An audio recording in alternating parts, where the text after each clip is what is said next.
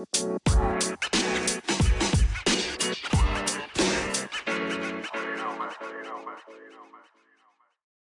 hey, super tof dat je luistert naar een nieuwe aflevering van de Positief met Pubers podcast. Mijn naam is Janneke en dagelijks beantwoord ik allerlei vragen via mail en DM van ouders die struggelen met dingen in de opvoeding van hun puber. Ik beantwoord deze vragen en in de podcast behandel ik elke aflevering een vraag met jou. Ik geef je mijn visie en ik neem je mee in mijn dagelijks leven. Mocht je dat nog niet gedaan hebben, abonneer je dan op deze podcast, zodat je geen aflevering meer mist. En als je deze podcast tof vindt, geef het dan zoveel mogelijk sterren of een positieve review. Hoe meer positieve reviews, hoe meer platforms als Spotify en Apple Podcasts deze podcast gaan aanbevelen aan andere ouders die deze podcast nog niet kennen. Daardoor kan ik groeien met deze podcast. Maar wat ik nog belangrijker vind, daardoor kan ik nog meer ouders bereiken die met soortgelijke struggles zitten als dat jij misschien zit. Je zou me enorm plezier mee doen. Dus dank je wel alvast. En nu gaan we gauw beginnen. Hi en welkom bij een nieuwe aflevering van de Positieve Pubers podcast. Deze podcast is uh, ja, misschien een hele confronterende voor je puber, misschien een hele confronterende voor jou, maar ik, ik heb merk nadat ik weer een berichtje had gelezen online over, uh, over vapen, ik merkte dat ik even mijn, mijn ongezouten mening wilde geven over waarom pubers zouden moeten stoppen met vapen. En ja, misschien is het heel waardevol om deze te gaan luisteren met je puber, misschien ook niet. Maar uh, ja, ik voelde die behoefte heel erg en ik hoop dat, dat, dat het wat met je doet, dat het wat in je last maakt, dat je denkt, oh ja, ik ben het helemaal met je eens. Dat je, dat je in ieder geval gaat nadenken over vapen. Dat is mijn doel en ik hoop dat mijn doel daarmee is. Want wat ik merk is, is dat vapen de afgelopen jaren een steeds populairdere trend wordt. En dan vooral onder jongeren en pubers. En Weet je, ik heb ze dan even bekeken op internet. Ze zien er ook wel leuk uit. Leuke, lekker kleurrijk en heerlijke smaken, zeggen ze dan. En, het heeft ook steeds meer de imago van, van, van cool of eh, iets hebben. En weet je, dat soort dingen, die, ik merk gewoon dat dat bijdraagt aan de populariteit van. Of, of, of dan een langdurig iets is, trend is, of dat het gewoon een hype is, dat weet ik niet. Maar wat ik vooral interessant vond is om te kijken maar hoe is dan die vergelijking met roken eerder? Was de roken was natuurlijk eerder ook gezien als iets van dat doe je gewoon en het hoort er gewoon bij. Maar is dat zo? Is vapen, nou ja, zoals velen zeggen, minder slecht dan, dan, dan roken? En dan vooral is het minder slecht voor, voor onze pubers? Want wat is vapen nou eigenlijk? En, ik denk ik, ik heb dat geprobeerd even op internet op te zoeken wat het is. Want ik ben natuurlijk geen rookexpert. Ik ben geen, natuurlijk geen wetenschapper. Ik ben, ik ben gewoon een puber-expert of een pubercoach. Die uh, het interessant vinden om wat te vertellen over vapen. Wat ik heb gelezen is, is dat vapen het proces is waarbij een vloeistof, meestal met nicotine, smaakstoffen en meer chemicaliën, wordt verhit eh, tot een soort aerosol, wordt er genoemd, die uh, de gebruiker dan inhaamt. En dat klinkt heel simpel, maar uh, wat ik heb gelezen zijn de consequenties van deze handelingen niet, niet, zo simpel als en niet zo onschuldig als dat, dat, dat mensen wel eens zeggen. Want uh, het wepen is, is daarin nou ja, niet veiliger volgens mij dan het traditionele roken. Hoewel som, ik dan ook wel weer gelezen heb dat studies suggereren dat vapen minder schadelijk kan zijn dan roken in ieder geval het roken van traditionele sigaretten, is het zeker niet veilig. En dat, dat maakt het voor mij gewoon dat ik denk, oh, hier moet ik wat mee. En dat heb ik al langere tijd, maar nu dacht ik, nee, dat moet echt. Want we weten natuurlijk dat nicotine, uh, nicotine verslavend is. Maar het heeft ook een enorme invloed op de hersenontwikkeling. En zeker als je het hebt over de fase waarin je puber zit. Hun hersenen ontwikkelen zich tot nou, nog volop, in ieder geval tot de 25e, misschien nog wel langer. Dus nicotine heeft daar dus invloed aan. Dus wanneer iemand in de tiende jaren nicotine gebruikt, heeft dat, laten we het zo zeggen, kan dat een risico oorzaken, veroorzaken op, op een hersenontwikkeling, op blijven, uh, risico op blijvende problemen is het op het gebied van leren, op het gebied van aandacht behouden, op het gebied van impulsbeheersing. Nou, allerlei vaardigheden die getraind worden in tijdens de puberteit. Allerlei vaardigheden die nou ja, voor vanuit het brein aangestuurd worden. Dus eigenlijk alles. Dus het heeft de degen invloed op de ontwikkeling van de hersenen.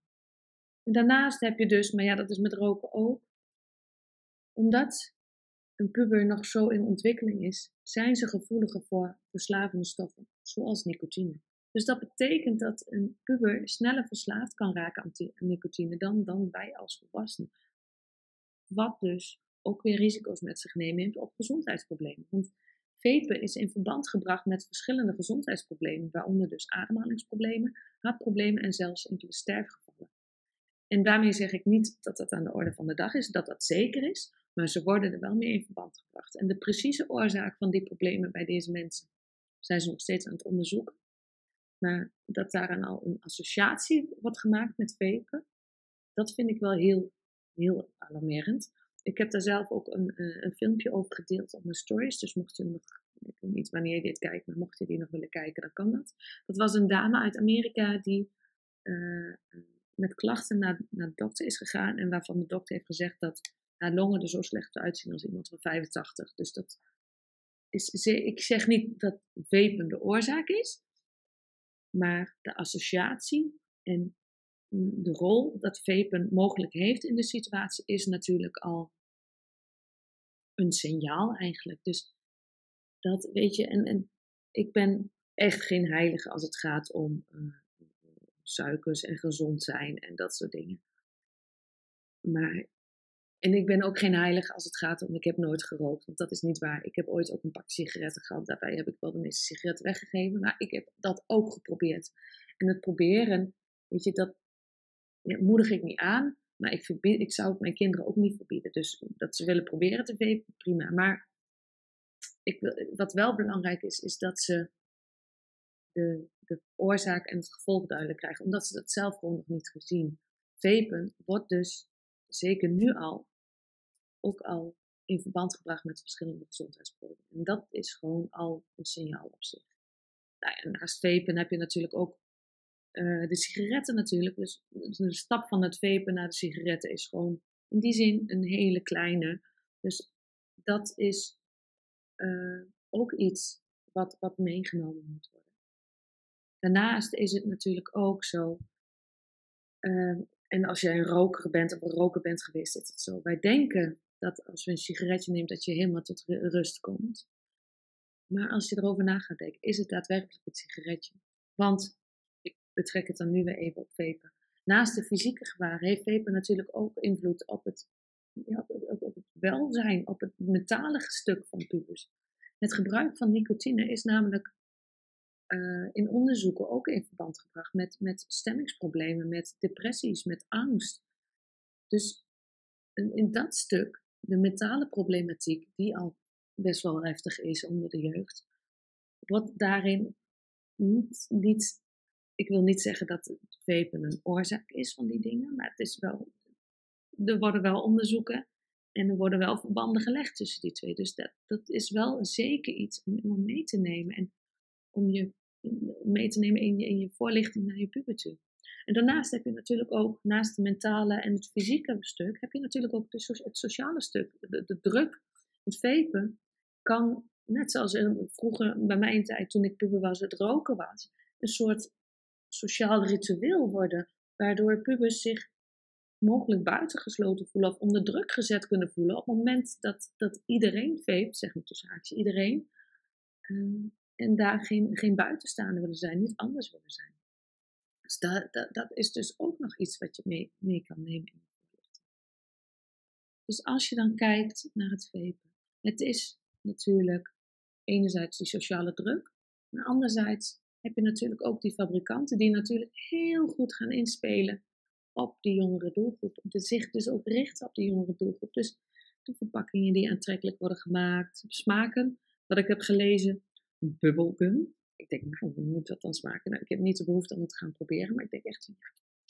Dus die hele marketing van hun producten maakt dat, dat pubers dat heel aantrekkelijk vinden, is gericht op pubers. En laten we eerlijk zijn, zeker als je puber bent, misschien kun je je daar nog wel in vinden toen jij puber was. Als iets heel aantrekkelijk eruit ziet, dan trekt dat natuurlijk wel je, je nieuwsgierigheid. En, en die producenten van de vapes, die, of van het vapen, vapes, hoe noem je die dingen? Die, die willen natuurlijk alleen maar geld verkopen. En of dat dan een oudere mensen zijn of een jongere, dat, ja, ik zeg nu wel dat maakt het niet uit. Maar ik hoop wel dat het hun uitmaakt. Maar ik vraag het me af of ze dat daadwerkelijk mee bezig zijn. Dus mijn conclusie daarin is, is dat vapen, naar mijn idee, dat is echt naar mijn idee, geen onschuldige trend of een veilig alternatief is voor roken. Het is, uh, uh, laat anders zeggen, het brengt enorme risico's met zich mee, of het nou door het vapen komt of niet. Maar ik kan me namelijk niet voorstellen dat, dat iets chemisch waar nicotine in zit en waar de producten waarvan een vape wat daarin zit, dat dat gezond, gezond is voor ons lijf. Dus als ouder, als professional, is het onze verantwoordelijkheid om ons bewust te zijn van deze risico's en de jongeren daarin voor te liggen en te onderwijzen en te beschermen. En als je een puber kent die veept of die overweegt om dit te doen, dan is het belangrijk om dat gesprek aan te gaan. En niet het gesprek over jij mag dit niet doen en dit is niet goed voor je. En als je dit doet, dan nee, maar meer de voorlichting. Dus zorg ervoor dat ze zich meer bewust worden van de risico's, van de feiten en de risico's dat het niet, uh, niet zo, zo een mythe van alleen waterdamp is. Dat het meer is dan alleen waterdamp. Zodat we dus samen daarin die groep een beetje kunnen beschermen. Zodat door onze insteek, door ons voorbeeld, door wie wij zijn, door, door alles, de gezondheid en het welzijn van deze jongeren uh, ergens kunnen beschermen. En ik denk dat we daar allemaal een steentje aan bij kunnen dragen. Want doen we niks, weet je, dan, dan zal dit niet alleen meer een trend worden, maar dan zal dat een way of life worden, net zoals dat op een gegeven moment met roken was. Dus dat is heel belangrijk. En ik besef mij direct ook als ik dit vertel, dat dit niet van vandaag op morgen afgelopen is, dat het over is.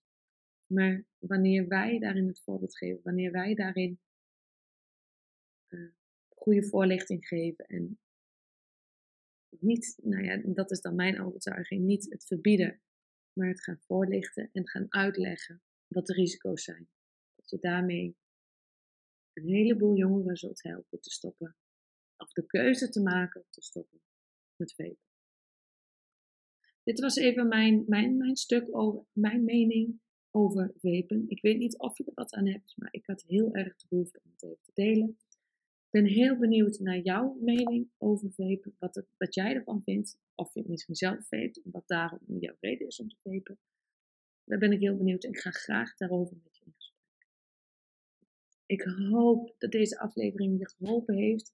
Misschien ga je hem luisteren met je puber, misschien ook niet. Misschien denk je van Janneke, wat lul je nou? Je bent maar een pubercoach of je bent maar een puberexpert. Wat weet jij nog van vapen? Allemaal prima. Ik hoop gewoon dat ik één iemand wakker heb gemaakt. Mocht je willen reageren of een suggestie hebben op deze aflevering of in het algemeen op de podcast, kan dat natuurlijk. Zoek me dan even op via Instagram. En wanneer je deze podcast waardevol vond, deel hem dan op je social media kanaal of met iemand die hier wat aan heeft. Zodat wij samen het leven van andere ouders en dat van andere pubers wat gezonder in deze podcast en positiever kunnen maken. Dankjewel voor het luisteren en heel graag tot de volgende keer.